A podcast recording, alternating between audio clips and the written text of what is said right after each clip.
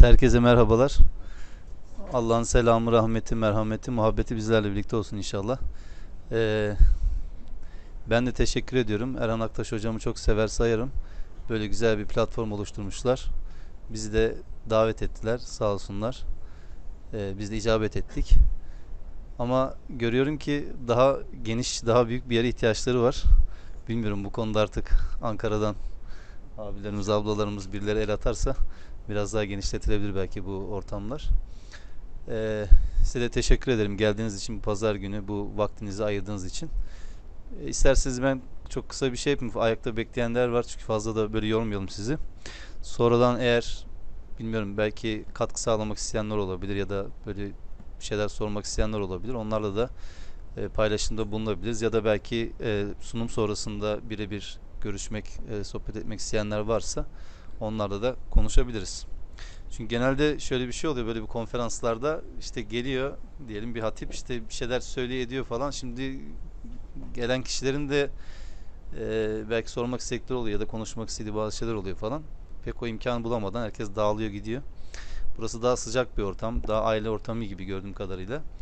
O yüzden biraz daha böyle sohbet havasında e, ilerleyebiliriz diye düşünüyorum. Şimdi İslam ne değildir diye bir başlık belirlemiştik. Bu benim son kitap çalışmamın ismi zaten. İslam ne değildir. Ee, internette ücretsiz pdf'si var. Oradan da ulaşılabilir. Diğer bütün kitapların olduğu gibi. 40 maddede İslam'ın ne olmadığını işte dilimiz döndüğünce anlatmaya çalıştık. Yani kendi kendimize şunu dedik ya 1400 yıldır İslam'ın ne olduğunu anlatıyoruz. Bir türlü anlaşamadık. İslam ümmeti paramparça olmuş vaziyette. Herkes her kafadan bir ses çıkıyor. Herkes kendine göre bir İslam anlıyor falan. Buna biz de belki dahil olabiliriz. Ee, bir de ne olmadığını anlamaya ve anlatmaya çalışalım. Belki ne olmadığını anlarsak ne olduğunu anlamak daha kolaylaşabilir dedik. Biraz e, böyle bir başlık oluşturduk. İslam ne değildir diye. Dediğim gibi 40 maddeden oluşuyor. E, İslam'ın ne olmadığı.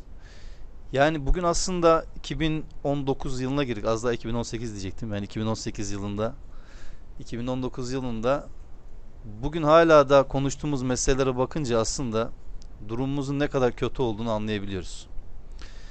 Ramazan aylarında da işte televizyon programı yapan biri olarak Allah'ım da olsun bizim programlarımız öyle sorular gelmiyor ama yani oruçluyken yıkanılabilir mi, denize girilebilir mi, sakız çiğnenir mi, diş fırçalanır mı türünden soruları yani her sene sorulup her sene cevap verilmesine rağmen niye soruluyor onu da anlamış değilim ama herhalde insanlar ilgisini çekiyor. Bugün İslam ümmeti maalesef bunlarla ilgileniyor. Yani hani biraz klişe olacak ama insanlar uzayda istasyon kurmaya çalışıyorlar. İşte Mars'ta e, koloni oluşturmaya çalışıyorlar.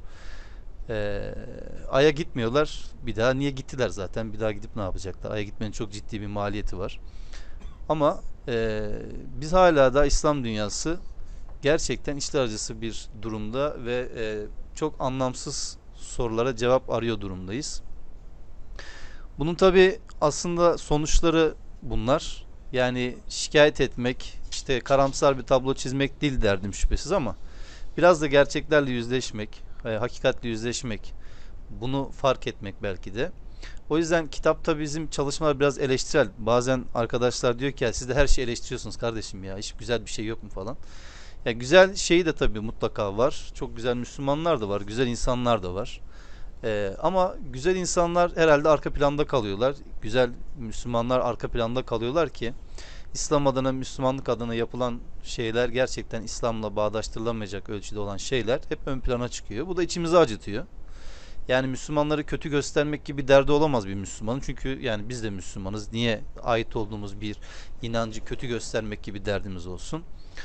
Ee, İslam dünyasının durumu ortada. İşte 1.8 milyara yaklaşan bir İslam dünyası söz konusu. Ama mesela ben size sorayım tek bir şey sadece tek bir şey. Yani bu ahlaki bir konuda da olabilir. işte ekonomik açıdan da olabilir. Ne bileyim eğitim açısından olabilir. E, efendim işte sanatta olabilir, bilimde olabilir, estetikte olabilir, felsefede, düşüncede olabilir vesaire.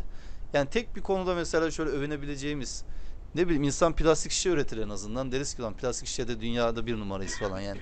Tek bir şey var mı? Sadece kendi ülkemiz açısından söylemiyorum. Bütün İslam dünyası açısından baktığımızda.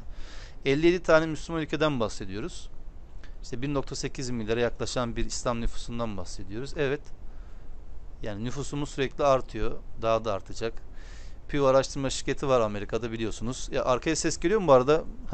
Pew araştırma şirketine göre işte 2050 yılında Müslümanların sayısı Hristiyanlara yaklaşıyor. Hatta işte aşağı yukarı aynı oluyor falan. 2050'den sonra geçiyor. Yani dünyanın en kalabalık cemaati haline geleceğiz gibi gözüküyor ama yani niteliksiz bir artış e, problemlerini de beraberinde getiriyor. Daha fazla problemin ortaya çıkmasına sebep oluyor maalesef. Çünkü nitel, niteliksiziz. Yani e, herhangi bir konuda yeterli donanımımız yok. En başta insani ahlaki değerler açısından zaten çok ciddi problemlerimiz var.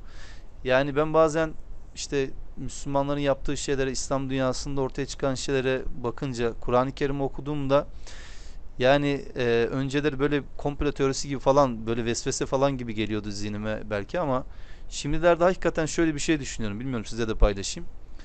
E, yani bir takım şer odakları, bir takım dış güçler, kimse o dış güçler onları da bilmiyorum ama yani tarih boyunca oturmuşlar sanki demişler ki biz bakalım ya bu yani Müslümanların kutsal kitabı ne istiyor Müslümanlardan? Allah Müslümanlara neyi yapın diyor. Allah neyi yapın diyorsa e, onun tam tersini e, dine sokmuşlar. Neden de kaçının diyorsa onun da din kılmış insanlar. Yani oturup mesela Allah adaletli olun diyorsa ya biz öyle bir şey yapalım ki Müslümanlar arasında Müslümanlar artık hiçbir şekilde birbirine adaletli olamasınlar. Allah merhametli olun diyor mesela. Ya Müslümanları öyle bir birbirlerine düşman edelim ki yani bunlar hiç birbirlerine merhamet göstermesinler. İşte Allah işi ehline verin diyor mesela. Yani biz işte adam kayıralım. Allah rüşvet vermeyin diyor mesela hakimlere, yargıçlara. E, kimseyi kayırmayın diyor. Yani biz öyle bir sistem yapalım ki artık hani hakikaten Müslüman ülkelerde ne adalet olsun, ne merhamet olsun, ne ehliyet olsun, ne liyakat olsun. E, eğitimde zaten çok geri plandayız biliyorsunuz. Ekonomik verilerde vesaire. Oturup da sanki Kur'an ne diyorsa tam tersini yapalım demişler gibi bir şey çıkıyor karşımıza. Tabi biraz da işin mizahi kısmı ama bugün Müslümanların durumu bu maalesef. E, çünkü İslam hani ne değildir dedik ya İslam insan aklına, yaratılışına, tabiatına aykırı bir din değildir. Ama bugün bize anlatılan İslam veya bugün yaşatıl, yaşatılan İslam e, bu insan aklının kabul edebileceği bir şeydir. Bakın şikayet ediyoruz. Özellikle 14-16 yaş arası genç kardeşlerimiz ateizme, deizme kayıyor falan. İşte bazı insanlar ya hiç böyle bir şey yok ateizm, deizm nedir falan diyor.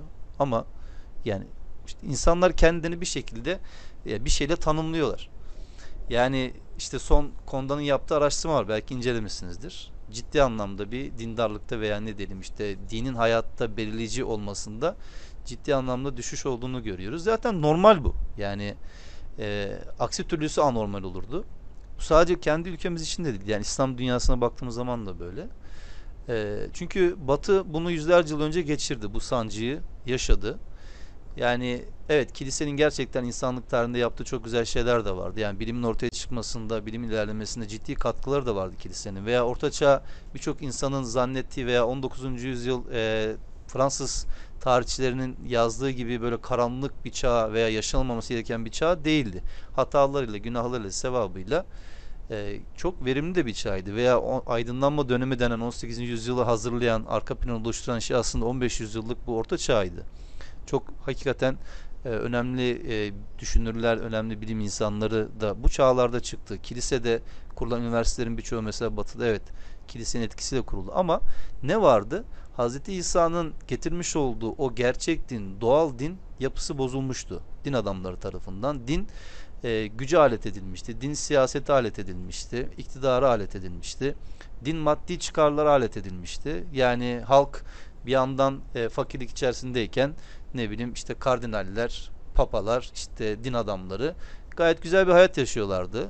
O e, katedrallerde gayet konforlu bir hayat yaşıyorlardı. Uşakları vardı.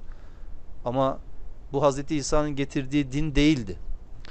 Bu süreci yaşadı. İnsanlar bunu gördüler. Hani meşhur Afrikalı bir liderin açıklaması vardır. Mutlaka denk gelmişsinizdir bir yerde. Yani Hristiyanlık ilk buralara geldiği zaman biliyorsunuz işte Hristiyanlık misyonerlik faaliyetiyle dünyanın birçok yerine gittiğinde Afrika'ya da gidiyor. Ee, adam diyor ki yani biz diyor aslında zengindik diyor. Bizim topraklarımız vardı. Ee, bizim yeraltı kaynaklarımız vardı diyor. Ama inancımız yoktu diyor. Hristiyanlar buraya geldiler diyor. Şimdi gözlerinizi kapatın. Avuçlarınızı açın. Ee, Tanrı'ya dua edeceğiz dediler diyor. Biz gözlerimizi kapattık. Avuçlarımızı açtık. Gözlerimizi açtığımızda dinimiz vardı ama başka hiçbir şeyimiz kalmamıştı.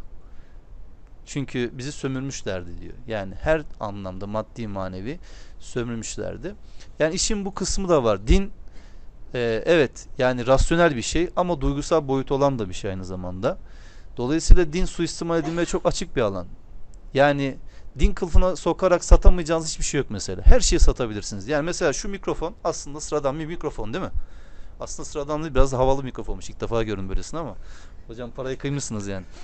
Ee, ama yani şu mikrofonu şu anda çok mübarek bir kişinin konuştuğu mikrofon olarak pazarlayabilirsiniz mesela.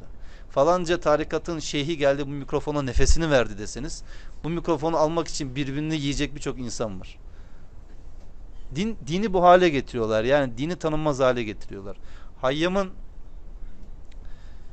şuna benzer bir şey var, e, yaklaşım var. E, diyor ki, ey diyor Muhammed diyor, senin getirdiğin dini öyle bir hale soktular ki diyor, şimdi sen gelsen sen bile o dine inanmazsın diyor.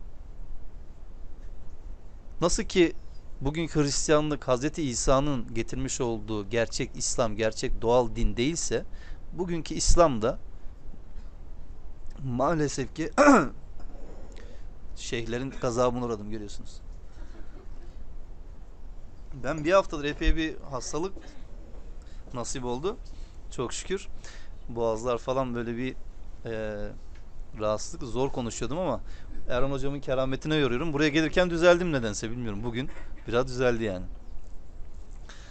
Eee maalesef bugünkü İslam'da Hz. Peygamber'in beraberinde getirmiş olduğu İslam değil. Bakın bugün İslam ümmeti Allah'ı tanımıyor.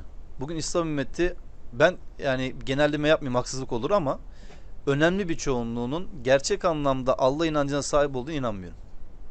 Allah inancı bakın. Allah inancı olmadan hiçbir şey olmuyor dikkat ederseniz yani din adına. Allah inancına sahip olduğunu inanmıyorum gerçek anlamda. Ahiret inancına sahip olduğunu inanmıyorum. Kur'an'a Zaten Kur'an'la ilgili ümmetin pek bir gündemi veya bilgisi yok. Hani onu artık zaten saymıyoruz bile. Ee, neden? Çünkü Allah'a inanan, ahirette inanan, o soğuk su ise ben o şey yapabilir ya. Var mı şey dışarıdan su var mı? Zahmet olmasın. Allah'a ve ahirette inanan insanların yapabileceği şeyler değil bugün Müslümanların yaptığı şeyler. Bakın yeni bir şey de değil dikkat edin. Şimdi diyoruz ki mesela bugün Müslümanlar birbirlerini katlediyorlar değil mi? Her gün yaklaşık bin Müslüman ölüyor. Bakın bin Müslüman her gün yaklaşık. Verilere göre.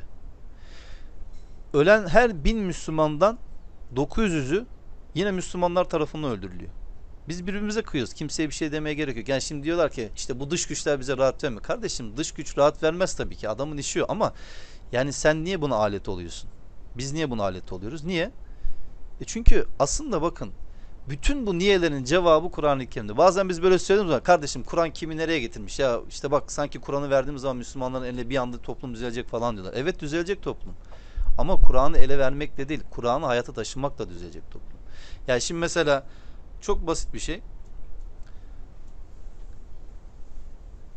Allah Kur'an'da diyor ki aklınızı kullanın. Çok açık bir şey değil mi? Aklınızı kullanın.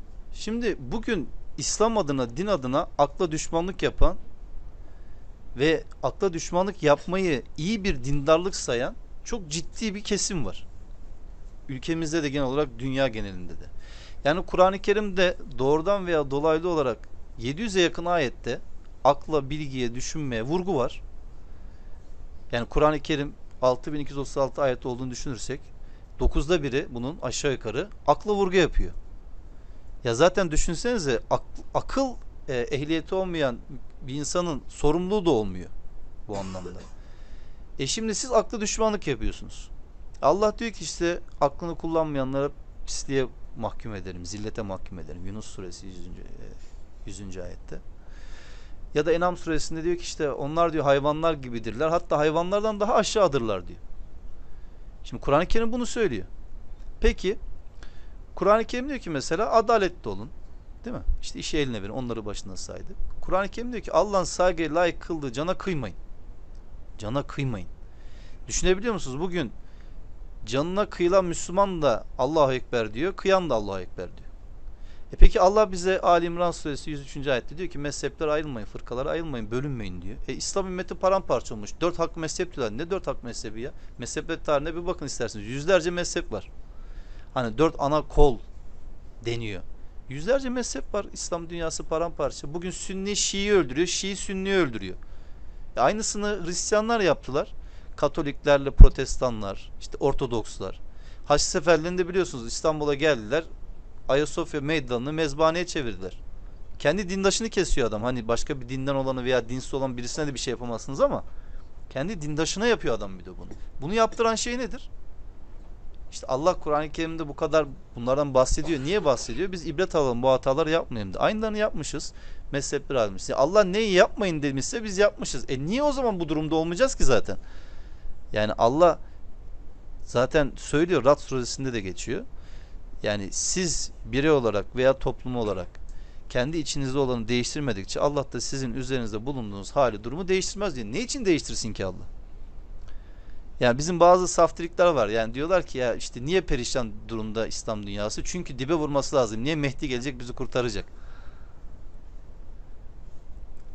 Geçen sene de herhalde bilmiyorum. Arada bilmiyorum ben ekrandan biraz saftirik gözüküyorum herhalde. Arada böyle birileri mail atıyorlar bana. Ben Mehdi geldim diye. Bir tanesi yine geçen sene mail atmıştı. Ben Mehdi İstanbul'dayım. Seninle görüşmem lazım. Senin üzerinden duyuracağım dedi. Herhalde o yüzden diyorum yani bir saf mı görünüyorum bilmiyorum olabilir. Çok sessiz. Ha olabilir olabilir. İşte beni seçmiş yani. Hani sağ olsun. Ondan sonra ben de acaba dedim cevap versem mi, bir şey anlatsam mı, belki faydası olur mu falan. Sonradan mail adresi dikkatimi çekti. Mehdi 2010 at gmail.com Dedim ulan koskoca Mehdi olsa Gmail'den adres almaz herhalde değil mi? En azından yani şöyle mehdi at mehdi.com falan olsa yine bir cazibesi olacak kendi içinde de. Adam Gmail'den koskoca Mehdi şey almış. Mail adresi almış. Şimdi Ali İzzet Begoviç Allah rahmet eylesin. Diyor ki Mehdi bizim tembelliğimizin adıdır. Biz hala bekliyoruz ki Mehdi gelecek bizi kurtaracak. Yani Mehdi geldi. Mehdi geldi. Neydi Mehdi? Hazreti Peygamberdi. Mehdi Kur'an-ı Kerim'di. Yani şu anda Mehdi elimizde. Aslında Mehdi beklememize gerek yok. Allah kılavuzu vermiş. Ama siz bunu söylediğiniz zaman bir yerleri rahatsız ediyorsunuz. Birilerini rahatsız ediyorsunuz. Bu sefer o yerlerde, o kişiler de sizi fişliyorlar. Etiketliyorlar. Yani bugün düşünsenize mesela ben bir gazeteye bir ara bir röportaj vermiştim. İşte şey dedim dedim ki ya bugün neredeyse tamam bütün tarikatların, cemaatlerin hepsi holdingleştiler. Hepsi paranın peşinde, rantın peşinde. E şimdi bayağı bir böyle öfkelendiler, kızdılar, bağırdılar, çağırdılar, laf ettiler sosyal medyadan falan bilmem ne. E şimdi öyle mi değil mi? Yani öyle değilse niye üzerine alınıyorsun? Zaten bir problem olması lazım. E öyleyse niye durumunu düzeltmeye çalışmıyorsun yani? Ha bu sefer ne yapıyorlar? İşte bunlar peygamber düşmanı. Bunlar peygamberi devre dışı bırakmaya çalışıyorlar. İşte bunlar hadis inkarcısılar. Bunlar şunun inkarcısı, bunun inkarcısı falan. Yani bize diyoruz kardeşim bir Müslümanın peygamberle ne derdi olabilir ya? Peygambersiz bir din olabilir mi? Peygambersiz bir din olmaz. Ama hangi peygamber? Hangi peygamber? Ben Allah'ın kitabının bana tanıttığı, öğrendiği peygamberi kendime örnek alıyorum. Senin atalarından aldığın, cahile döneminden aldığın uydurmaları yamadığın peygamberi değil. Kendi annenin babanın ağzına yakıştırmayacağın sözleri ağzına koyduğun peygamberi değil. Kusura bakma o peygamberi kimse yemez. Ama ben senin peygamber tasavvurunu inkar ediyorum. Ben peygamberimi inkar etmiyorum. Çünkü bir insan peygamberini inkar edip Müslüman kalamaz zaten. Ama şimdi adam şöyle bir şey diyemez ki. Ne diyecek yani? Bu kalkıp bizim tarikat sistemini mi eleştiriyor diyecek. Bu bizim şeyhe laf ediyor mu diyecek. Şimdi ben bir sefer bir programda dedim ya bu şeyhlerle ilgili falan atıyor. İşte kutuplar, gavslar falan vesaire. İşte kainat avucun içindeymiş, yönetiyormuş. Ya kardeşim kainat avucun içinde yönetiyorsun madem. Ya bu İslam ümmeti niye bu halde ya? Bir Allah rızası için bir sadece soruyu sorsun ya. Bu Müslümanlar niye bu halde? Hani Filistin diye bağırıp çağırıyoruz. E bu Filistin'le ilgili niye bir şey yapamıyor bu şeyhler? Bu kutuplar, gavslar niye bir şey yapamıyorlar Filistin'le ilgili? Arakan'da Müslümanlar katlediliyor. Nerede bunlar? Yani son model lüks arabalarla gezmeyi, en konforlu evlerde yatmayı, kalkmayı yani e, biliyorlar da ama ne hikmetse bir türlü İslam dünyasındaki problemleri bir çözüm üretemiyorlar. E, dolayısıyla şimdi siz bunları eleştirdiğiniz zaman tabii ki tepki görüyorsunuz. E, yani siz kendinizden de düşünün. Konunuzdan, komşunuzdan vesairenizden mesela. Dini konuda bir konu tartıştığınız zaman ya bu dediğin Kur'an'da yok dediğin zaman adam Kur'an'da ne var ne yok bilmiyor ki zaten. Böyle bir gündeme oluşmamış yani. Açıp da bakmıyor Kur'an-ı Kerim. Ya bugün siz mesela büyük cemaatler, gruplar, tarikatlar, yapılar vesaire bunlar içerisinden kendi sempatizanlarına, takipçilerine Kur'an'ı okumayı tavsiye eden bir grup bileniniz var mı? Kimsenin Allah'ın kitabıyla bir işi yok. Çünkü inandıkları, kabul ettikleri ve anlattıkları din Allah'ın kitabında yok. Her grubun kendine ait kitabı var dikkat edin mesela. Yani saymaya gerek yok tek tek. O toplantılarda vesairelerde o kitaplar okunuyor.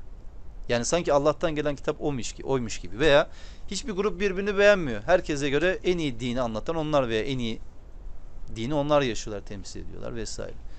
Ya biz de diyoruz ki Müslüman birey olduğu gerçeğini unutmaması lazım. Müslüman aklını kullanması lazım. Müslümanın bir duruşu, omurgası olması lazım. Yani Müslümanın bir şahsiyeti olması lazım. Müslüman sadece kendini Allah'a teslim etmesi lazım. Allah'tan başkasına teslim etmemesi lazım. Yani tabii ki herkes dinlenebilir. Kitapları da okunabilir. Tartışılsın, sorgularsın. Ama mesela yani biz bunu felsefede otoriteye başvurma yanılgısı diye anlatıyoruz. Yani bir insan mesela sizin için otorite kabul ettiğiniz birisi herhangi bir konuda bir görüş beyan ediyor. Mesela karşısındaki kişi şunu yapmıyor. Ya ben bunu bir düşüneyim.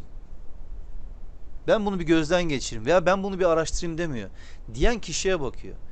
Diyen kişi otorite kabul ettiği birisi ise mutlak olarak kabul ediyor bunu. Ha onun aksi görüşlerin hepsinde din dışı ilan ediyor. Çünkü öyle söylüyorlar zaten. Bize gelin diyorlar. Bize bağlanın diyorlar. Biz sizi cennete sokacağız diyor. E biz ne diyoruz? Ya bizim bir cemaatimiz yok. Bizim bir tarikatımız yok. Bizim bir partimiz yok. Bir siyasi görüşümüz vesairemiz yok. Biz insanları kendimize çağırmıyoruz. Bize gelin bize bağlanın demiyoruz. Biz insanları Allah'ın kitabına çağırıyoruz. Yemediğimiz hakaret kalmıyor ya. Düşünebiliyor musunuz? Yani Müslümanlar tarafına hakaret ediyoruz. Niye? Allah'ın kitabına çağırıyoruz diye insanları. Yani niye bu kadar tepki veriyorlar? Çünkü etkiyi görüyorlar. Etkiyi görüyorlar.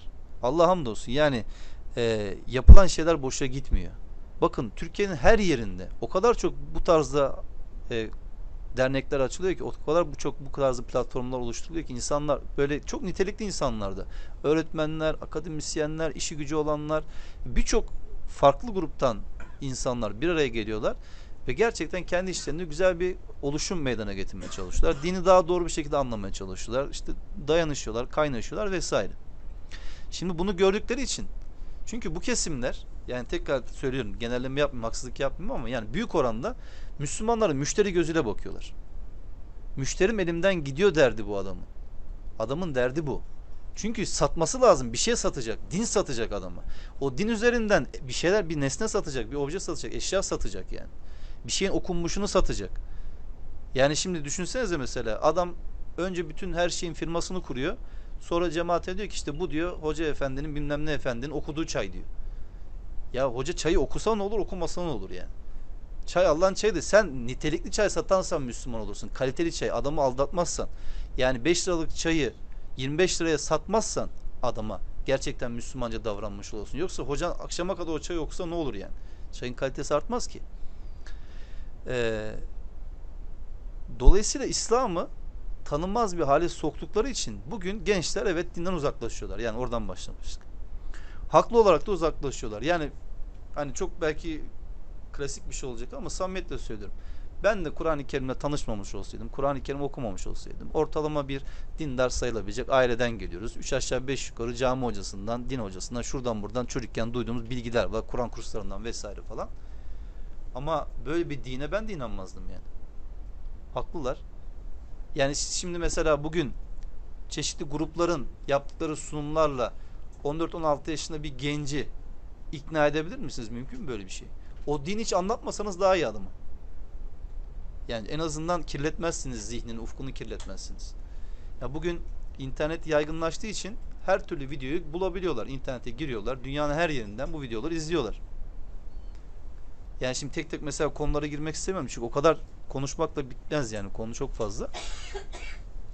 Ama hem Allah'a hem peygamberimize hem Kur'an-ı Kerim'e hem sahabeye iftiralar dolu birçok rivayetler var. Ve bunlar ateist, deist birçok site tarafından kullanılıyor. Kur'an itibarsızlaştırılmaya çalışılıyor. İnsanların aklı bulandırılmaya çalışılıyor. Ayetler cımbızlanıyor. İslam şiddet dini olarak gösterilmeye çalışılıyor vesaire. Niye? Çünkü bu malzeme veriyor Müslümanlar. Yani adam çıkıyor televizyonda milyonlarca insan izliyor programı. Göğsünü gere gere diyor ki dinden döne öldürülür kardeşim diyor. E peki kimden alıyor bu yetkiyi hakkı? Allah'ın kitabı böyle bir hak vermiyor, yetki vermiyor. Hazreti Peygamber'in de böyle bir uygulaması olamaz. Niye? Çünkü yani Allah'ın kitabında olmayan bir şeyi peygamberimiz nasıl uygulasın? E Kur'an-ı Kerim'de mürtet var, geçiyor. Allah kalmıştır diyor onların işi. Ha bizim Müslümanlar diyor ki hayır Allah kalamaz onun işi. Biz onun işini bitireceğiz diyor. Ya kardeşim Allah peygamberlerini bile din jandarması, polisi, askeri kılmamış. Sana mı kaldı milletin dini imanı vesairesi? Ya şimdi mesela trajikomik bir şey yani her Ramazan'da birileri oruç tutmadığı için dayak yiyor. Yani Kur'an-ı Kerim'de bu kadar namaz kılmakla ilgili ayetler var. Diyelim işte e, oruç tutmakla ilgili ayetler var. Peki oruç tutmayanı dövün diye bir ayet var mı Kur'an-ı Kerim'de? Yani aynı Kur'an'ı okuyorsak olmaması lazım. E şimdi niye döversin mesela oruç tutmadığı için? Burası Müslüman ülke diyor. E tutmuyor kardeşim adam tutmak istemiyor. Yani insanların ateist olma özgürlüğü yok mu? Allah tanımış özgürlüğü. Hak size gelmiştir diyor. Dileyen iman etsin, dileyen inkar etsin. Bitti. E Yunus 99 Allah diyor dileseydi yazdıklarını tamamdı iman eder diyor. Şimdi sen mi zorlayacaksın onları iman etmeleri için? Ya Peygamberimiz açık beyan var ya sen sevdiğine e, hidayet erdiremezsin diyor. Yani böyle mi İslam'ı tebliğ ediyoruz? İşte yine Ramazan'da geçen kızın biri kısa etek giymiş diye adam biri saldırdı minibüste kıza. Savunması da şu kendine karakol diyor ki oruçluydum diyor. Kendimi tutamadım. Yani çok özür dilerek söylüyorum. Burada abim, ablamlar, kardeşim diyebileceğim insanlar var. Yani samimiyete binaen söylüyorum. Yani iki tane bacak gördüğü zaman kendini tutamayan bir adamla Müslüman olur mu kardeşim? Sen git bırak o dini yani. Sen daha kendini tutamıyorken hangi orucu tutacaksın? Sen kendine hakim olamıyorsun ki. Sonra seni ne ilgilendirir? Yani sen bir başkası oruç tutmayan bir insan sana niye oruç tutuyorsun diye soruyor mu? Tamam. Ha şu olur mesela İslam'da tebliğ vardır evet. İslam'da iyi ve güzel olanı tavsiye etmek vardır. İnsanla muhabbetin varsa dersin ki ya kardeşim şu şu işte zekat vermek, sadaka vermek, öksüz yetimi gözetmek vesaire. Bunlar güzel şeylerdi. Bak yaparsan bu dünya için ahiretin için iyi olur dersin. Bitti bu kadar. Bu. İyi ve güzel onu söylemek. Onun dışında müdahale etmek değil. Ama e şimdi toplumda dikkat ederseniz bakın din niye gelir? Aslında din geldiği toplumu güzelleştirmek için gelir. inşa etmek için gelir. Bize insan olduğumuz gerçeğini hatırlatmak için gelir. Ama bugün din maalesef ki dindarlar tarafından başımızın en büyük belası haline getirilmiş durumda. Yani bakın size samimiyetle söylüyorum. Ben bazı televizyon programlarında şu bu tartışma inanın dinleyemiyorum bile. Sosyal medyadaki bazı açıklamalara bakamıyorum bile ya. Vallahi ben artık yani tiksiniyorum. Hani Bakar 256 dinde baskı ve zorlama olmadığını söylüyor ya ayet. Hani ona şöyle bir anlam vermek de mümkün aslında. Yani dinde tiksindirme yoktur. Yani dini tiksindirme unsuru haline getirmeyin diyor Allah. Tiksindirmeyin insanları kardeşim din. Her şey din. Sabahtan akşama kadar yattım din kalktım din. Ya din böyle bir şey değil ki. Din insana çok geniş bir özgürlük alanı tanıyor aslında. Çünkü Allah kuluna güveniyor. Akıl vermiş, irade vermiş. Özgür iradesiyle seçim yapma hakkı vermiş. Ama bizim için her şey din. Adım attık din, yattık din nasıl yatacağız? Adam canlı yanında gösteriyor. Peygamberimiz böyle yatardı diyor. Ya şimdi mesela ben böyle yattığım zaman peygamberine muhalefet mi etmiş oluyorum? Takım elbisenin üzerine ihram bağlıyor adam. Diyor ki peygamberimiz böyle ihram bağlardı diyor. Sanki beraber bağlamışlar. Yani ihram zaten ne kadar çeşitli bağlanabilir yani maksimum ne olabilir ne kadar farklı bağlanabilir yani. Şimdi bunları sünnet zannediyoruz. Peki Peygamberimizin insana verdiği değer Peygamberimizin toplumda kadınlara verdiği değer kadınları ön plana çıkarma çabası Allah'ın ayetten hayata taşırken bir rol model oluşturmaya çalışması Peygamberimizin öksüzlerle yetimlerle çocuklarla muhabbeti hoşgörüsü anlayışlı olması kendisine yapılan kötülükleri bile kişiselleştirmemesi bakın Kur'an-ı Kerim'de onlarca ayet var bunlarla ilgili kendi yanında sesini yükseltenlere karşı bir nezaketsizlik etmemesi. Evine gelip çöküyorlar. Düşünsenize şimdi peygambersiniz. Bir kısım insanlar onu dinlemek için, onun yakında bulunmak için geliyorlar. Doğrusu biraz böyle siyer kaynaklarına bakarsak bir kısım insanlar da karnını doyurmak için geliyorlar. Yani böyle yani adam geliyor yemeğini yiyordu işte falan. Şimdi peygamberimiz cömert bir insan. Niye varsa imkan herkese paylaşıyor.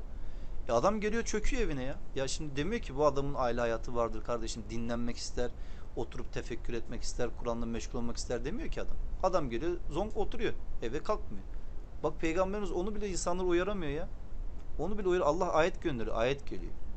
Yani hani o sizi incitmek istemiyor ama Allah gerçeği söylemekten sakınmaz. Yemeği yiyince dağılın diyor kardeşim yani.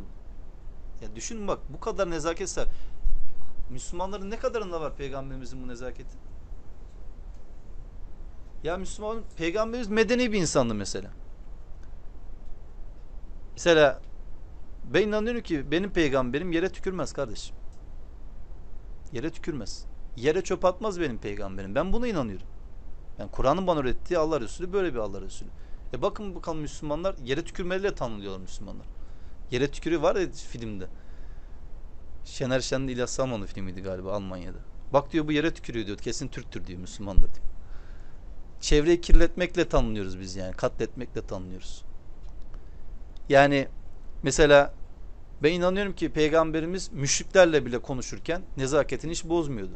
Bugün Müslümanlar birbirlerini katledecek gibi konuşuyorlar, öldürecek gibi konuşuyorlar. Kimsenin kimseye tahammülü yok. Şimdi yani bütün bu sayabileceğimiz vasıflar niye vardı peygamberimizde? Ya insan bu kadar basit bir şey düşünür. Nereden geliyordu bunlar acaba? Bunlar nereden geliyordu? Çünkü peygamberimiz vahiy ile inşa olmuştu. Yani peygamberliğinden önceki dönemde de kaynaklara baktığımız zaman zaten toplum içerisinde evet saygın bir insan, aranan bir insan, e, güvenilen bir insan. Ama birse vahiy onu yüze çıkardı.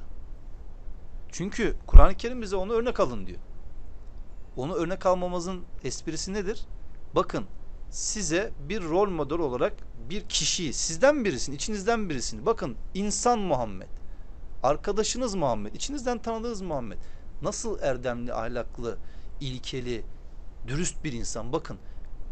Demek ki böyle olunabiliyor. Yani Allah'ın ayetleri hayata taşınabiliyor. Bakın, demek için örnek alın diyor onu. E Peygamberimiz Allah'ın ayetlerini hayatına taşıdı. Bugün Müslümanların Allah'ın ayetlerini hayata taşımak gibi bir gündemi var mı? Yok. Maalesef. Ee, 57 tane Müslüman ülkeden bahsediyorduk ya. Birkaç tane veri paylaşayım sizde. 57 tane Müslüman ülkenin toplam yıllık milli geliri, üretimi aşağı yukarı işte 4 trilyon dolar civarı. 1.8 milyarlık bir nüfustan bahsediyoruz. 4.4 trilyon dolar civarı. Tek başına Japonya'nın ne kadar biliyor musunuz? 4.6 trilyon. Japonya el kadar ada. Peki Japonların yerel inancı nedir? Şintoizm.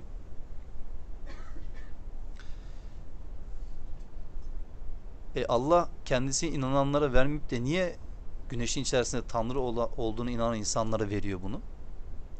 Sizce? E çünkü çalışıyorlar. Çalışıyor adam çalışıyor üretiyor. Çalışıyor ve üretiyor.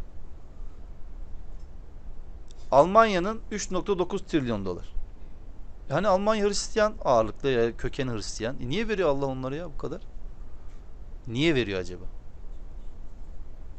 E adam çalışıyor üretiyor. Peki İslam dünyasına baktığımız zaman hani Mehdi beklediğimiz için tembel izledik ya. İslam dünyasına baktığımız zaman ne çalışıyoruz ne üretiyoruz. Tembellik.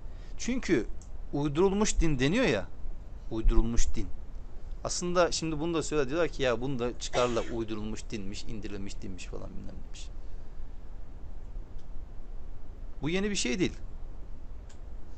Yeni dil kullanımı. Ama insanlar bunu yeni zannediyorlar.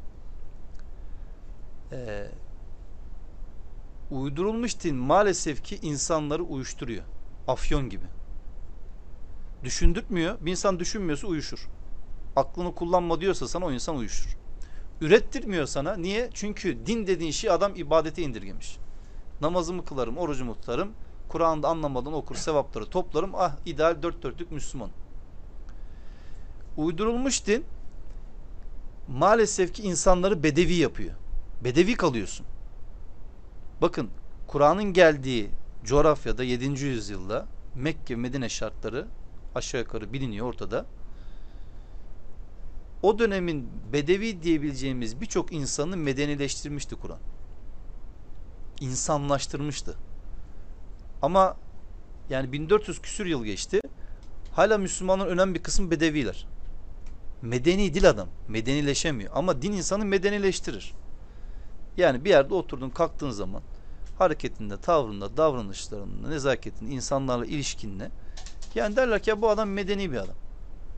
Ama şimdi mesela bir e, medeni veya iyi kaliteli bir insanla ilgili örnek vermek istedikleri zaman insanlar kimsenin aklına Müslümanlar gelmiyor kusura bakmayın.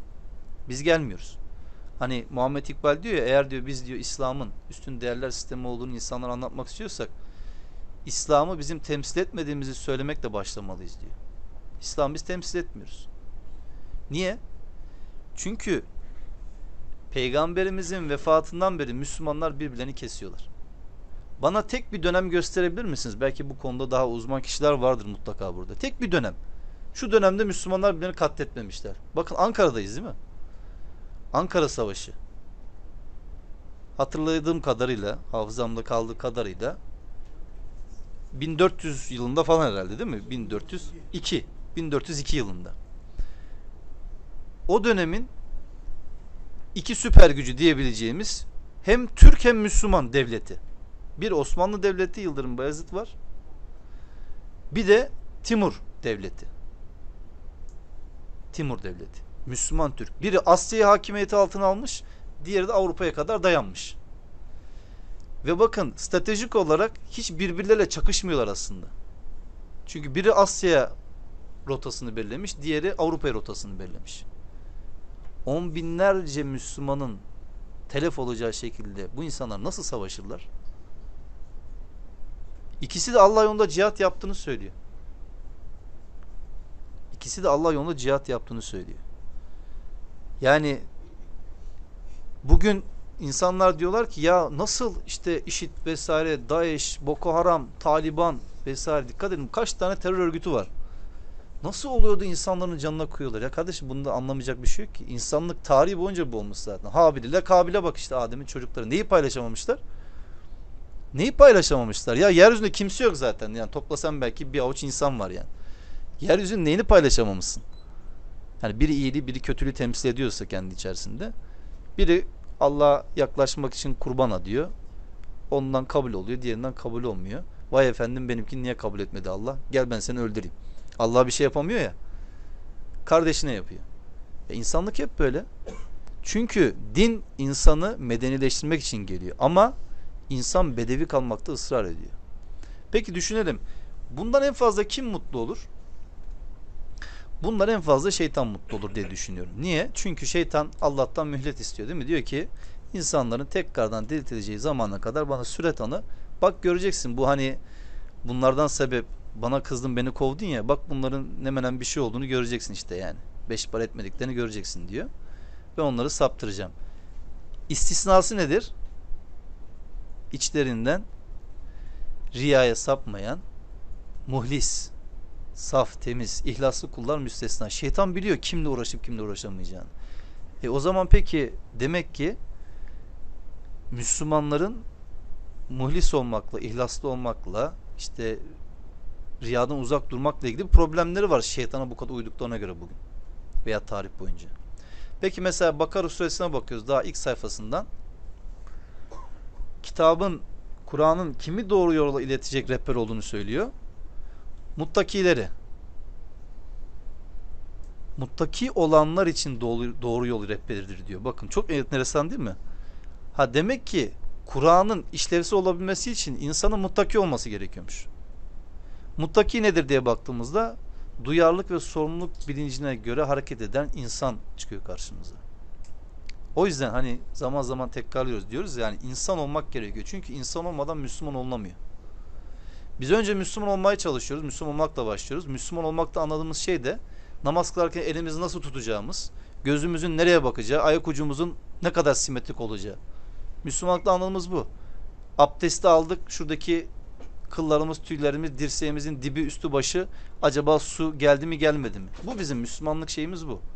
Böyle olunca dört dörtlük namaz kılmış oluyoruz ama veya ibadet etmiş oluyoruz veya herhangi bir işte duayı yapıyoruz falan.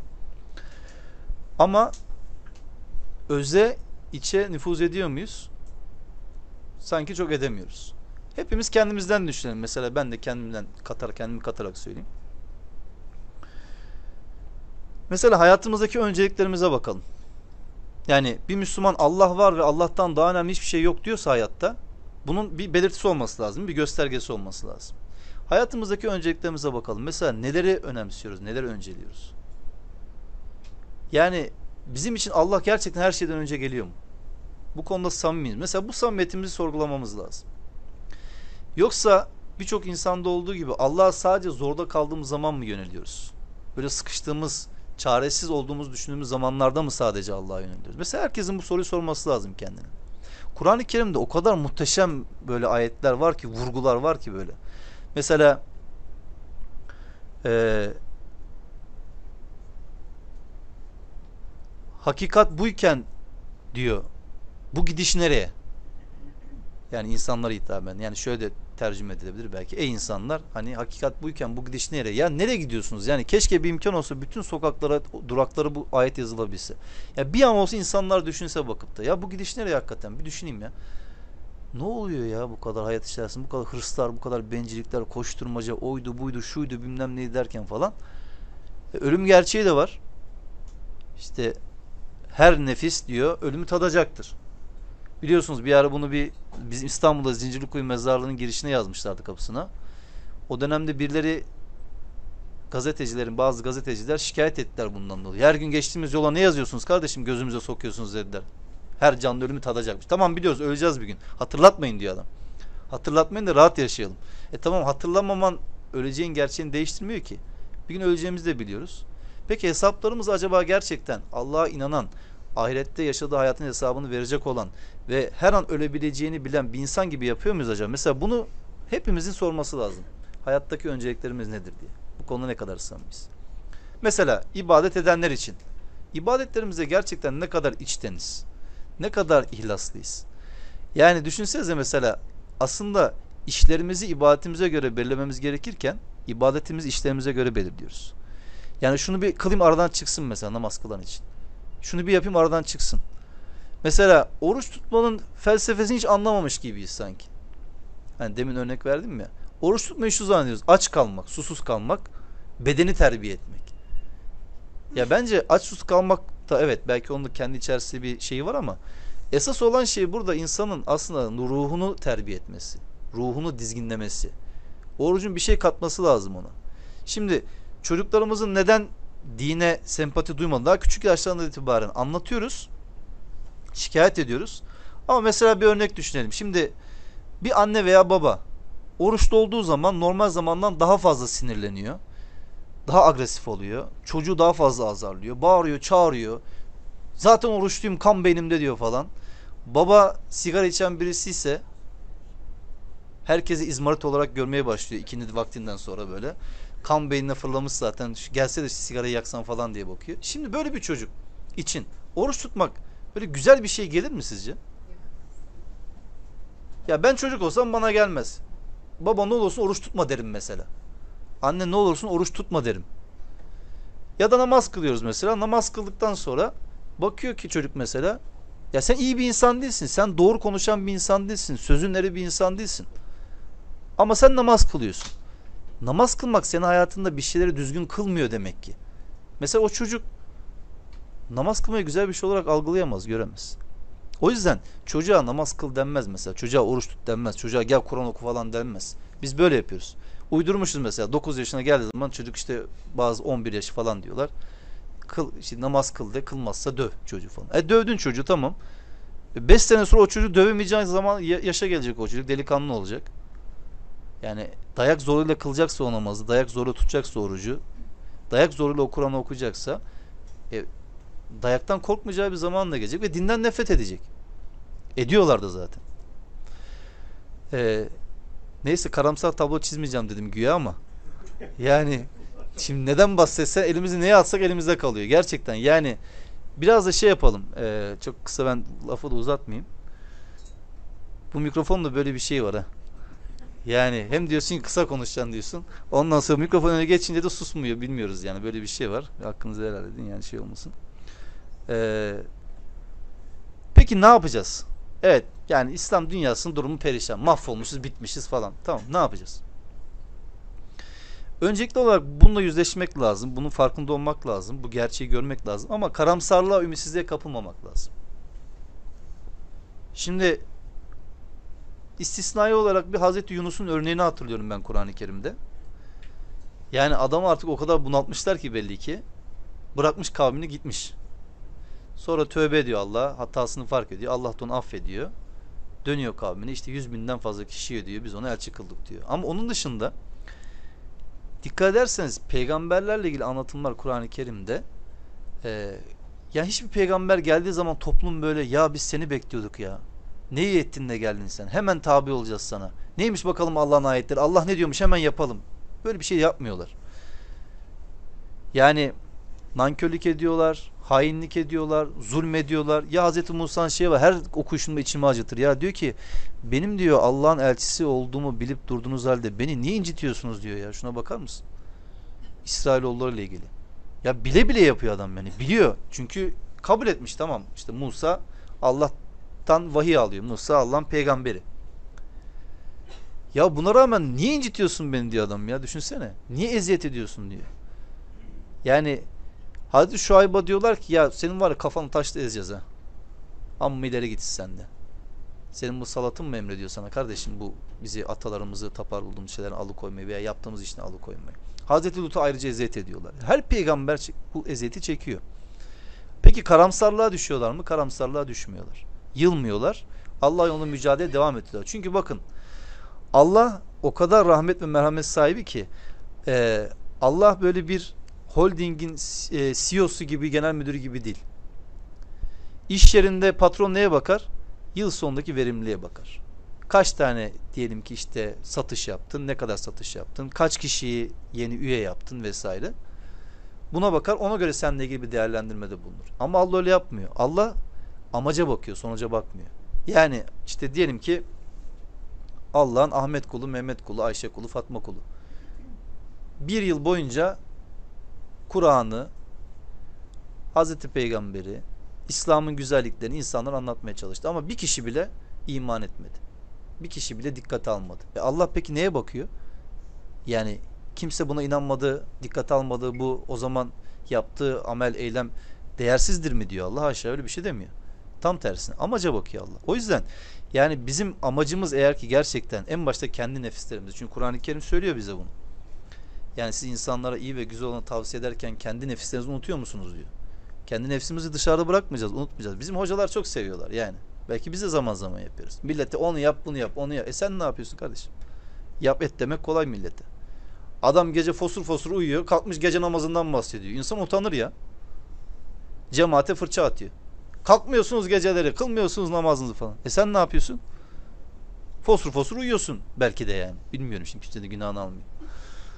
Ama yani söylemek kolay. Yapmaya gelince yapmakta maalesef ki ciddi sıkıntı oluşabiliyor. Çünkü bakın Kur'an-ı Kerim insan inşa ediyor dedik ya Müslüman inşa ediyor.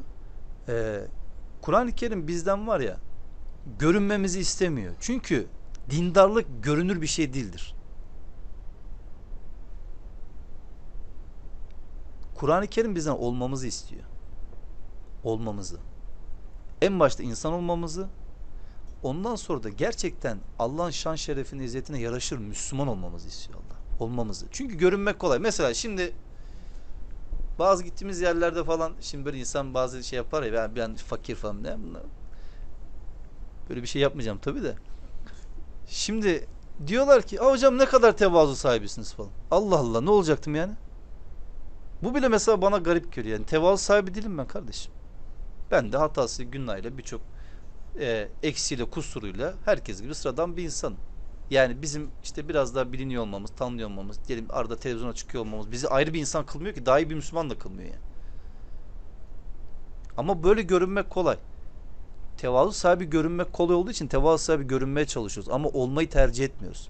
Ama Allah kandıramayacağımızı bilmiyoruz, unutuyoruz bunu. Allah kandırmaz. Mesela ben geldim şimdi burada size böyle acayip böyle böyle bir tevazu sahibi böyle aman böyle çok alçak gönüllü şey bir insan şey çizim. Ondan sonra çıktım dışarı hiç öyle bir insan değilim. Bambaşka bir insan. E şimdi ne oldu? Allah kandırabilir miyim yani? Diyelim sizi kandırdım veya siz beni kandırdınız. E bir Müslüman hesabı Allah olması lazım. insanlar olmaması lazım. O yüzden insanlara şirin göre, gözükmek gibi, insanlar seni sevsinler, övsünler, bilmem ne yapsın gözükmek gibi davranmamak lazım. Ya sen ilkel ol, sen dürüst ol, dürüst olmaya çalış. Hata hepimizin hatası var. Yani peygamberlerin de hataları olmuş. Gayet tabidir. Ama e, doğru olanı önce kendin yaşa ki doğru anlattığının bir tesiri olsun. Kalpleri işleyebilsin. Her anlamda yani her noktasında. Ama biz bunu tercih etmiyoruz. İnsanlara söylüyoruz ama işte kendimiz çok fazla belki bunu yapmıyoruz. O yüzden Kur'an-ı Kerim söylüyor. İnsanlara bunu tavsiye ediyorsunuz. Kendi nefislerinizi unutuyor musunuz diyor. Kendi nefsimizi de dışarıda bırakmadan e, şunu sormamız lazım. Allah'ım ben senin için ne yapabilirim? Ben senin için ne yapayım? Ama bu oturduğumuz yerden olmaz biliyor musunuz? Mesela oturdum ben dua edeyim. Allah'ım sen bana senin yolunda bir şeyler yapmayı nasip et. Ya sen otururken Allah sana bir şey nasip edemez ki.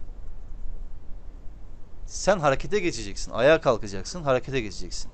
Öğreneceksin, öğreteceksin, anlatacaksın, paylaşacaksın, istişare edeceksin, görüş alışverişinde bulunacaksın.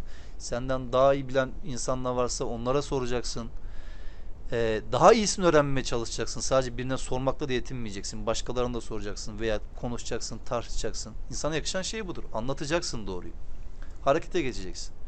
Şimdi aa, ama işte böyle Kur'an merkezi bir din anlatınca insanlar bizi yaftalıyorlar veya işte insanlığa hakaret ediyorlar, selamı kesiyorlar. E tamam. Olabilir. Yani Allah'ın huzuruna geldiğimiz zaman o insanlar bizim yanımızda olmayacaklar ki. Ya biz hakikat bildiğimizi anlatalım. Ha şu var. Biz yanılıyor olabiliriz. Daha doğru birisi varsa o gelsin bizim yanıldığımızı göstersin. Biz onu kabul edelim. Bunda da bir problem yok. Yani bu konuda demiyoruz ki biz dini temsil ediyoruz. Bizim dediğimiz doğru falan bir derdimiz yok. Ama diyoruz ki kardeşim herkesin doğrusu Allah'ın kitabına uygun olduğu kadar doğrudur. Buyurun Allah'ın kitabını aramızda hakem kılalım. Hepimiz görüşlerimizi, kabullerimizi vesairemizi Allah'ın kitabına sunalım. En başta insanlığımızı Allah'ın kitabına arz edelim. Müslümanlığımızı Allah'ın kitabına arz edelim. Mesela şöyle bir soru soralım kendimize. Allah'ım ben ne kalitede bir Müslümanım? Acaba? Allah bize cevap veremeyeceğine göre yani cevap vermeyeceğine göre Allah. Çünkü Allah'ın artık insanlarla bu şekilde iletişim yolu kapandı. Bitti. Aziz peygamberden sonra bu bitti artık. Cevaplar Kur'an-ı Kerim'de. Allah çünkü bu kitaptan sorumlu kılacağız diyor sizi. E, kitaptan sorumluysak cevaplar orada. Allah'ım ben ne kalitede bir Müslümanım diye soralım. Hadi ayetleri tek tek okuyalım bakalım ne kalitede bir Müslümanız. Mesela yakınlarımız aleyhine dahi olsa şahitlikte hassasiyet gösteriyor muyuz? Adam kayırıyor muyuz? Yani işi ehline veriyor muyuz? Merhametli miyiz? Allah mesela 99 tane isim var deniyor ya yani Kur'an'a baktığımız zaman daha fazla çıkıyor ama hadis rivayetlerinden kaynak 99 deniyor. Kur'an-ı Kerim'deki sureler Allah'ın Rahman ve Rahim isimleriyle başlıyor mesela. Rahman ve Rahim. Bu kadar isim var, azametli isimler de var. Allah mesela Rahman ve Rahim isimleriyle başlıyor Allah'ın kitabı. Peki Allah bize karşı Rahman ve Rahim olduğu kadar biz Rahman ve Rahim miyiz? Mesela insanlara karşı merhametli miyiz, şefkatli miyiz insanlara karşı? İki ayette, ikisi de Enam suresinde geçiyor. Allah rahmet etmeyi kendine ilke edinmiştir diyor. Yani aslında Allah rahmeti nefsine yazmıştır diyor. Farz kılmıştır diyor. Allah neyi farz kılmış kendine? Rahmeti rahmet etmeyi farz kılmış. Mesela Allah gazap etmeyi de farz kılabilirdi kendine. Allah gazap etmeyi kılmamış. Allah rahmet etmeyi kılmış. Yani Allah'ın o esmaları acaba ne oranda yansıyor hayatımıza? Bunları bir sormak. Hocam bana yaklaştığına göre herhalde yavaştan bitir fazla uzatma diyor. Ha, tamam hocam. Ben sizin yok. Ee, ne kadar yansıyor hayatımıza? Bunları bir sorgulamamız lazım. Ümitsizliğe kapılmamamız lazım dedik. Çünkü e, ancak zalimler Allah'ın rahmetine ümit keserler diyor. Ümitsizliğe kapılmayacağız. Karamsarlığa kapılmayacağız. Allah bize söylüyor eğer gerçekten inanıyorsanız üstün olan sizsiniz diyor. Kurtuluş erecek olanlar da sizlersiniz diyor. Siz işte Muhammed Suresine geçiyor olması lazım. Siz diyor Allah'ın dinine yardım ederseniz Allah da sizin ayaklarınızı sağlam bastırır. Allah da size yardım eder diyor. Allah ayaklarınızı sağlam bastırır. Allah size yardım eder diyor. Ee, elit elimizi taşın altına sokacağız. Ya bakın İslam'da olmayan şeylerden bir tanesi de din adamı sınıfıdır. Bunu hiçbir zaman unutmamak lazım. İslam'da din adamı diye bir şey yok. İslam'da dininin adamı var. İslam'da bir din otoritesi de yok. Yani Hristiyanlıkta da yoktu ama papalık diye bir şey uydurdular. İşte bizde de bir sürü papalar var biliyorsunuz yani. Şeyhler şunlar bunlar. İslam'da din adamı sınıfı yok. O yüzden din bizatihi kaynağından öğrenilmelidir. Kaynağından. Ondan bundan değil. Dediğim gibi herkesten dinlenebilir ama düşünerek, aklederek, sorgulayarak, eleştirel yaklaşarak, hemen kabul etmeden, teslim olmadan. Din kaynağı demek ki din hepimizin ortak paydası. Hangi meslekle uğraştığınızın bir önemi yok. Yani bir akademisyen olur, diğer esnaf olur. Öbürü ev hanımı olur, öbürü ne bileyim mühendis olur, öbürü işte sağlıkçı olur, tıp doktor olur vesaire. Öğretmen olur. Hangi meslekte olursa olsun din hepimizin ortak paydasıysa eşit şekilde sorumluluğumuz var.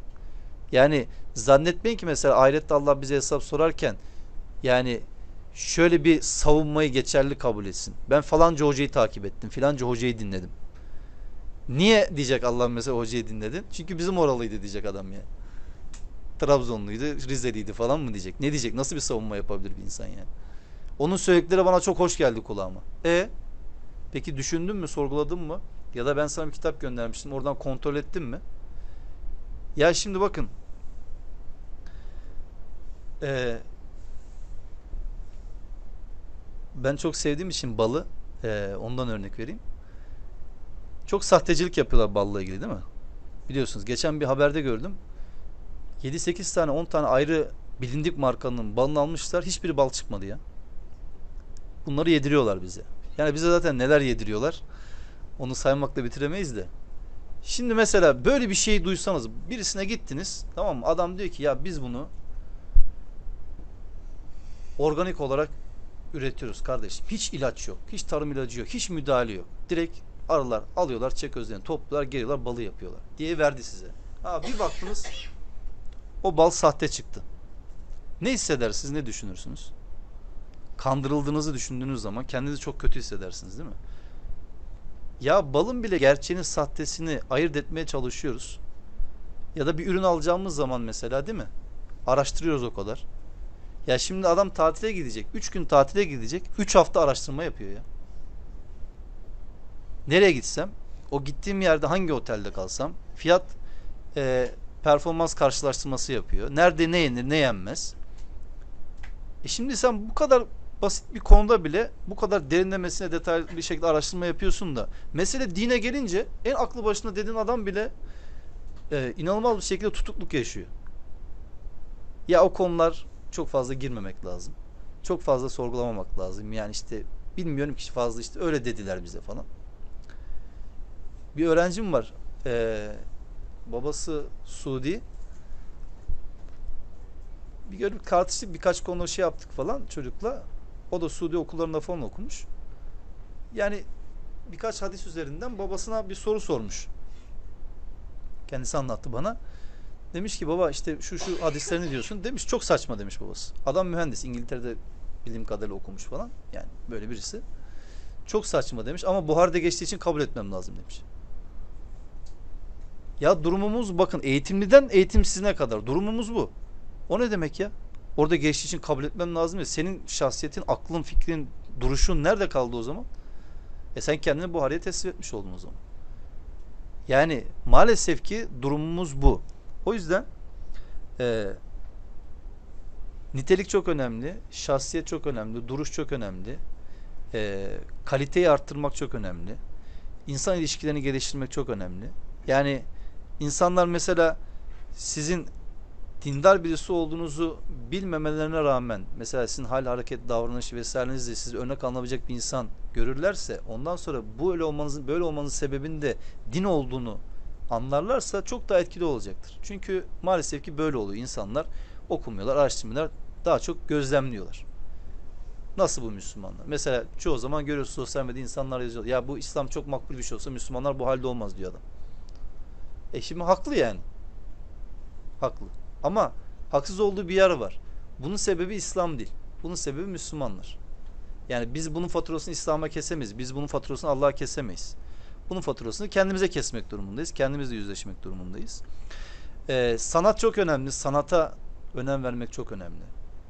Yani mesela İslam hayvan haklarını yok sayan bir din değil. Hayvanlarla ilgili birçok ayet var Kur'an-ı Kerim'de. Ya Kur'an'daki surelerin kaç tanesi hayvan ismi ya? Bakara, Enam, Nahl, Nem, Ankebut. Bakın hayvan isminden alıyor. Hayvan isminden alıyor sure ismini. Hani konmuş öyle. Niye? İçinde pasajlarda geçtiği için. Yani hayvan haklarını yok sayan bir din değil ki İslam. Yani onlara eziyet etme hakkı veren bir din değil ki İslam. Çevreye karşı duyarsız bir din değil ki İslam. Mesela Rum suresinin 41 ya da 43 olması lazım mesela. Açın bakın. İnsanların diyor kendi elleriyle yaptıkları yüzünden karada ve denize fesat çıktı. Allah diyor bunların bir kısmını size tattırıyor ki belki dönersiniz diye. Al bakın. Karada ve denizde çıkan fesatları.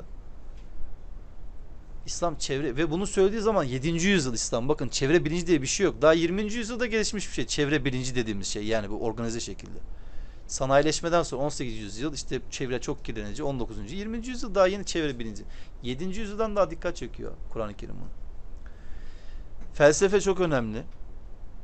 Şimdi bazı bizim böyle sözüm ona işte dindar arkadaşlar felsefeye düşmanlık yapıyorlar. Aslında felsefe düşmanlık yapmaların sebebi nedir? İşte felsefenin akıldan besleniyor olması, aklı ön plana çıkartıyor olması. E kardeşim o zaman sen akla düşmanlık yapıyorsun. Böyle bakıyorsun. Yani. E Kur'an'daki o akılla ilgili ayetleri de düşmanlık yapıyor olman lazım. Ya şimdi insanlar çok basit şeyleri karıştırıyorlar. Şimdi mesela birileri güneşin içerisinde Tanrı olduğunu inandığı için biz güneşe düşmanlık yapıyor muyuz? Birileri ineğin içerisinde Tanrı olduğunu inandığı için biz ineğin sütünü içmeyi terk ediyor muyuz? Hayır. E birisi de felsefeyi kullanarak dinsizlik, imansızlık, ateist, ateizm yapıyorsa onun yaptığı şeye karşı çıkmak lazım. Felsefeye niye karşı çıkacaksın ki? Sanat. Bakın o kadar önemli ki sanat. Yani bizimkiler maalesef bir takım uydurma şeylerle birçok sanat dalını e, haramlaştırdıkları için işte müzik gibi, resim gibi, heykel gibi falan. Ya Kur'an-ı Kerim'de Hazreti Süleyman'ın sarayında heykeller var ya timsaller, açık ayetler var. Heykel. Hazreti Süleyman yeterince Müslüman değil bunlara göre. İslam peygamberi. Yani şimdi resme mesela düşmanlık yapmışız. İşte bir takım sanatlar sadece gelişmiş. Ebru sanatı gibi falan. işleme, nakış falan mesela. E tamam onlar da güzel de kardeşim. Onlarla ya onları kullanarak ne kadar insan ulaşabilirsin? Şimdi mesela protestanlar özellikle müziği kullanarak, sporu kullanarak milyarlarca insana ulaştırdılar mesajları. Milyonlarca insana ulaştırdılar mesajları. Bizde telli sazlar harammış. Mesela Gazali dalga geçiyor bununla. Kuş sesleri de o zaman diyor haram olması lazım diyor yani. E şimdi sen müziğe düşmanlık yapıyorsun. Daha geçen yıl olması lazım ya da 2017 herhalde geçen seneydi. İstanbul Teknik Üniversitesi konservatuarda fakültede müzik haramdır diye bildirge dağıttılar ya. Çocuklar da müzik yaparak cevap verdiler, karşılık verdiler. Şimdi adam konservatuarda okuyor. Muhtemelen oradaki çocukların birçoğu da Müslümandır yani zaten çocuk konservatuar oku, okuyanların da dinsiz olacak hali yok yani. İlgilenmiyoruz ne olduğuyla ama. Şimdi sen adama gidiyorsun diyorsun ki müzik haram. Adam onu okuyor yani. Bölümünü okuyor. Şimdi sen iki seçenek arasında bırakıyorsun. Ya müziği bırakacaksın ya dini bırakacaksın. Adam diyor ki din böyle bir şey zaten bırakıyorum kardeşim diyor. Alın sizin olsun diyor. Sanat. Hazreti İsa'nın, Hazreti Musa'nın hayatıyla ilgili binlerce, bakın abartmıyorum, mübalağa etmiyorum. Binlerce film çekildi biliyor musunuz? Binlerce film. Hazreti İsa'nın ve Hazreti Musa'nın hayatıyla ilgili. Peygamberimizin hayatıyla ilgili ne var Allah rızası için film? İslam'la ilgili hangi film var? 1976 yılında Çağrı film var. Temcit pilavı gibi her Ramazan önümüze çıkıyor. Onu da biz çekmemişiz. Yani Hazreti Hamza'yı Anthony Quinn oynuyor. Hesap edin işte. Bizimkiler şeyi çok seviyorlar. Hazreti Hamza Anthony Quinn oynadıktan sonra Müslüman olmuş. Adam diyor ki ya Müslüman olmadım diyor. Hayır hayır sen Müslüman oldun diyorlar adam. Biz böyle şeyi seviyoruz. İşte Neil Armstrong aya çıkmış, ezan sesi duymuş, Müslüman olmuş. Eski böyle malum dergiler vardı. Erhan hocam hatırlar. Orada çok severdik şeyi yazmayı. Falanca Müslüman oldu filanca. Kaptan Kusto işte Cebeli Tarık Boğazlı şey Müslüman oldu falan. Ya bizimki de Müslüman. Adam ağacı kesmiş Allah yazıyormuş Müslüman. Karpuzu kesmiş Allah yazıyor. Allah diye bağıran aslan var ya video internette. Aslan Allah diye bağırıyormuş. Şeydekiler hayvanat bahçesindekiler Müslüman olmuşlar falan böyle haberler yapıyorlar. Yani inan o kadar seviye düşük ki hani anlatmakla kelimeler gerçekten kifayetsiz kalıyor.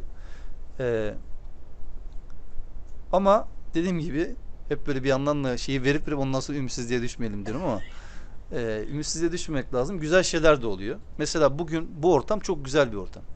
Allah'a hamdolsun. Ee, biz nereye gitsek birçok engellerle karşılaşıyoruz. Onu da biliyoruz. Ya adamlar Avrupa'ya da el atmışlar. Her yerde cirit atıyorlar. Kaç tane konferansımız iptal edildi Avrupa'da. Mekanlar iptal edildi. Tehdit ediyorlar insanları cemaatler. Sakın ha bunları konuşturmayacak. İki hafta boyunca Hamburg'da cuma vaazında hadis inkarcıları geliyor diye adam bizim isimlerimizi söylemiş camide. Camide cuma adam bak cuma hutbesinde sakın gitmeyin bu hadis inkarcıları geliyormuş falan diye cuma hutbesinde konu ediniyor yani. Ne kadar korkutmuşuz diyoruz kardeşim ya. Niye korkuyorlar bu kadar? Korkmaların sebebi şu. İnanın bizim mesela televizyon programlarından, bu konferanslardan birçok farklı yerden oturup konuştuğumuzda insanlar birçok insan helallik istiyor biliyor musunuz sonra? Hakkınızı helal edin diyor. Niye? Çok küfür ettik size diyorlar. Peki diyorum kardeşim niye küfür ettin? E, vallahi sizin böyle böyle olduğunuzu söylediler. Biz de küfür E peki hiç sorgulamadın mı, düşünmedin mi yani falan? Ya hocam işte cahillik falan bilmem vesaire bir şey diyor mesela. İmza gününe geliyor adam, fuara geliyor falan mesela. Hocam hakkını helal et falan diyor. Niye?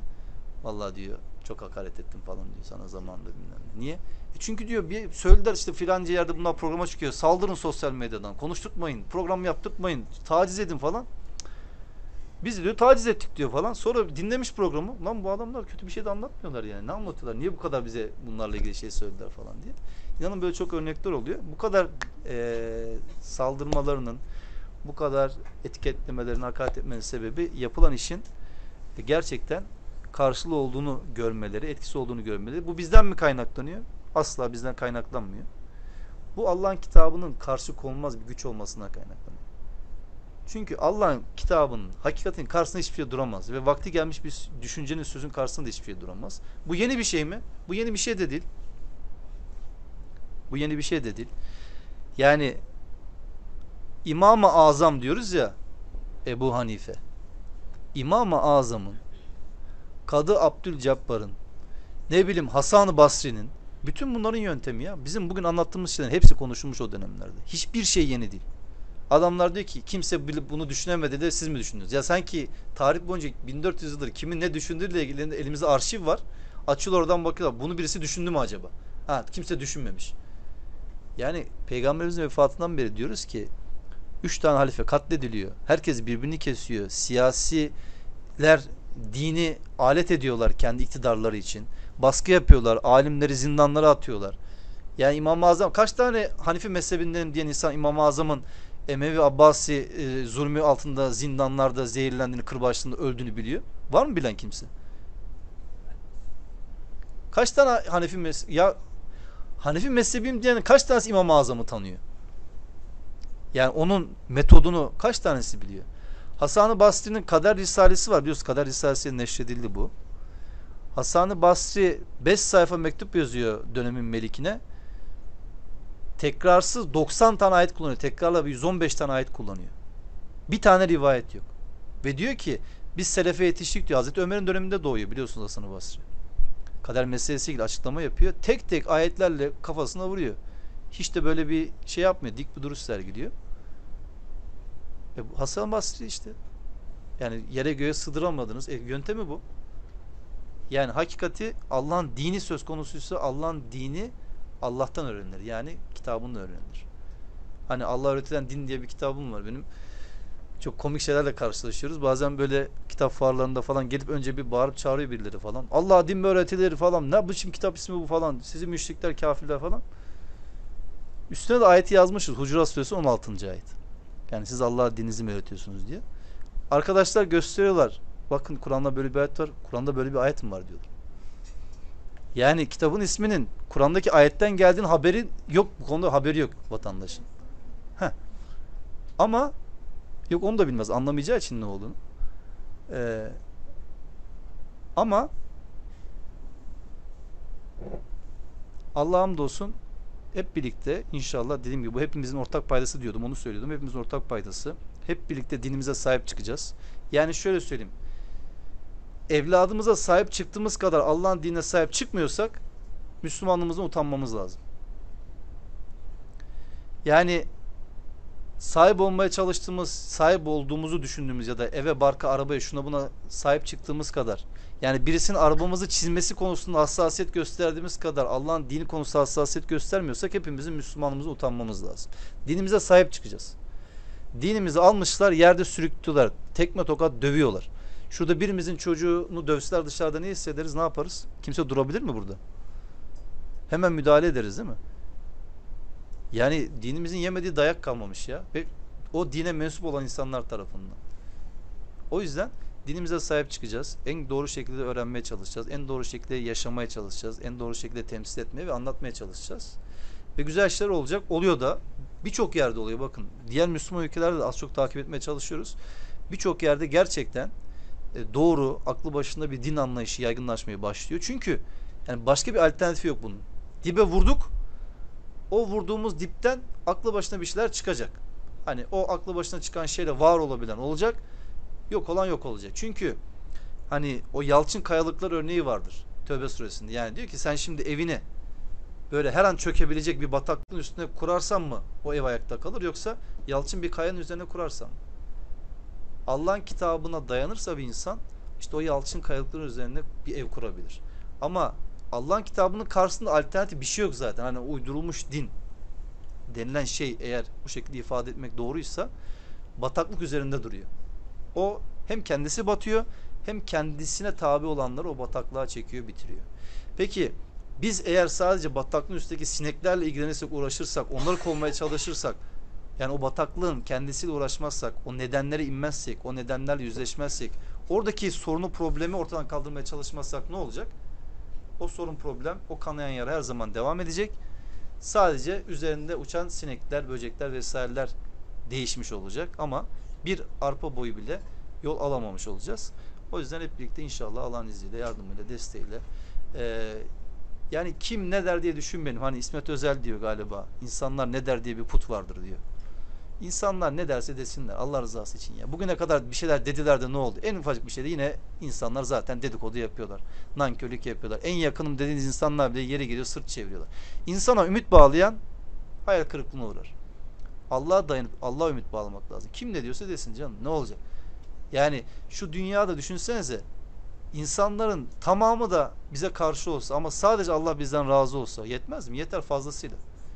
Peki tam tersi olsa Allah bizden razı ama herkes çok razı bizden. Bakıyoruz falan böyle. Gittiğimiz her yerde çok büyük hürmetler var. El pençe divan insanlar. Geliyorlar stadyumlar doluyor falan. Hocam hocam hocam falan. E ama uydurulmuş bir şey anlatıyorsun insanlara. E nasıl hesabını vereceksin bunu? Allah bundan razı değilse ne kadar insanın seni alkışladığı ile ilgili yani bunun bir kıymeti var mı? Yok. Kur'an-ı Kerim'de çoğunun övüldüğü tek bir ayet bileniniz var mı? Tek bir ayet diyor Kur'an-ı Kerim'de çoğunluğun övüldüğü. Adam çoğunluktan örnek getiriyor. Adam diyor ki bu kadar Müslüman yanılıyor siz mi biliyorsunuz?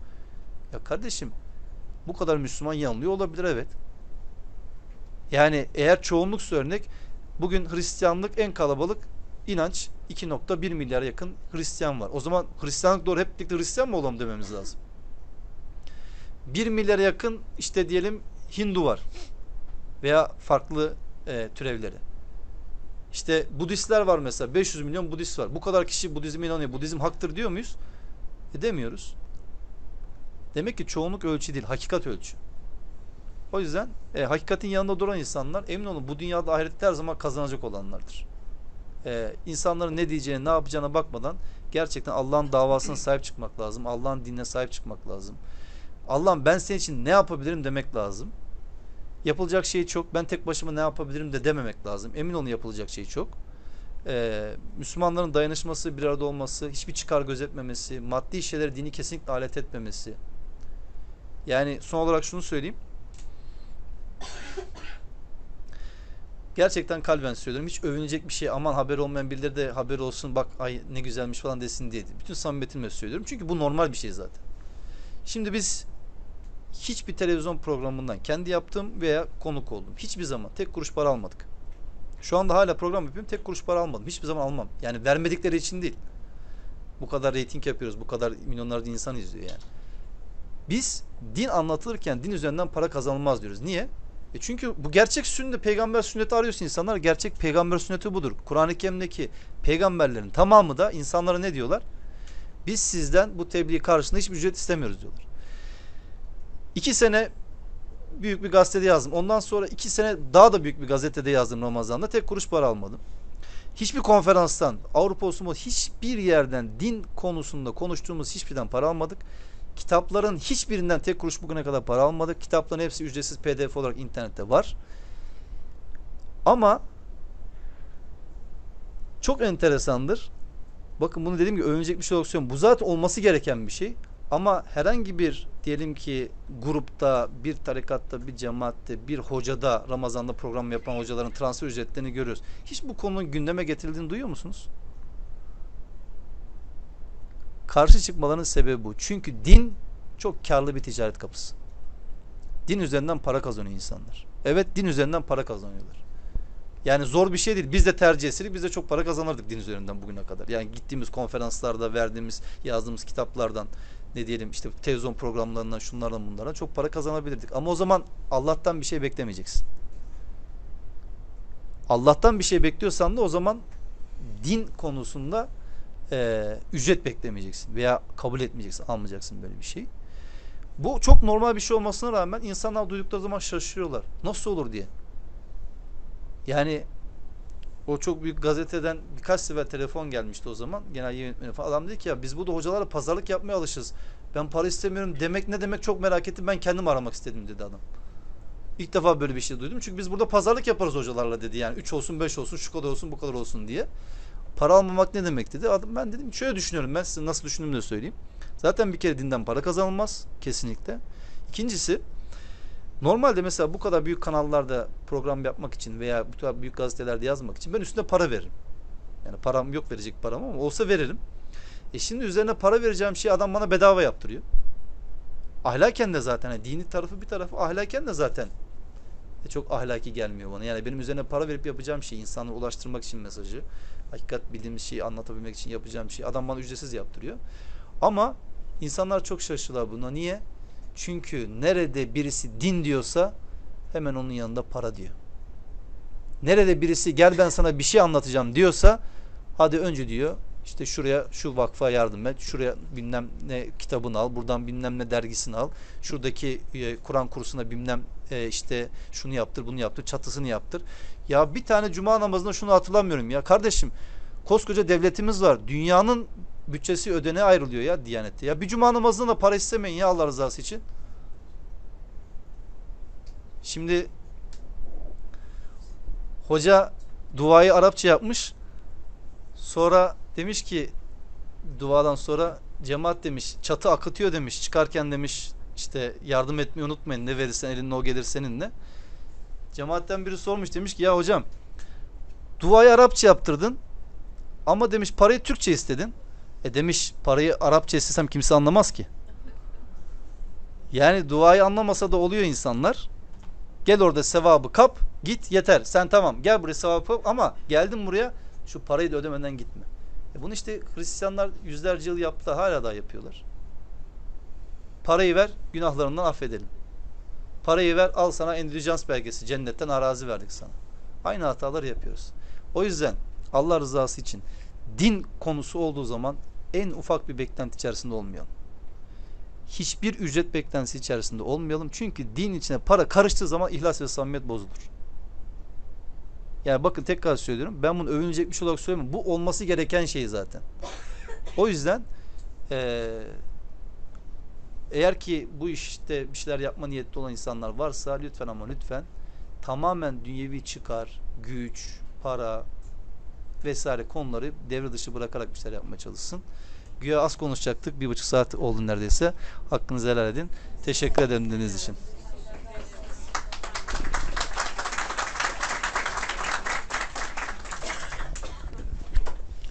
Emre Dorman hocamıza çok teşekkür ediyoruz. Ağzına sağlık. Çok güzel bir ziyafet sundu bize. Sizin de ayaklarınıza sağlık. Ee, Zahmet ettiniz, geldiniz, zaman ayırdınız. Teşekkür ediyoruz. E, bu tarz etkinliklerimiz ayda bir kez tekrarlanıyor. Size duyuru olarak sunacağız inşallah.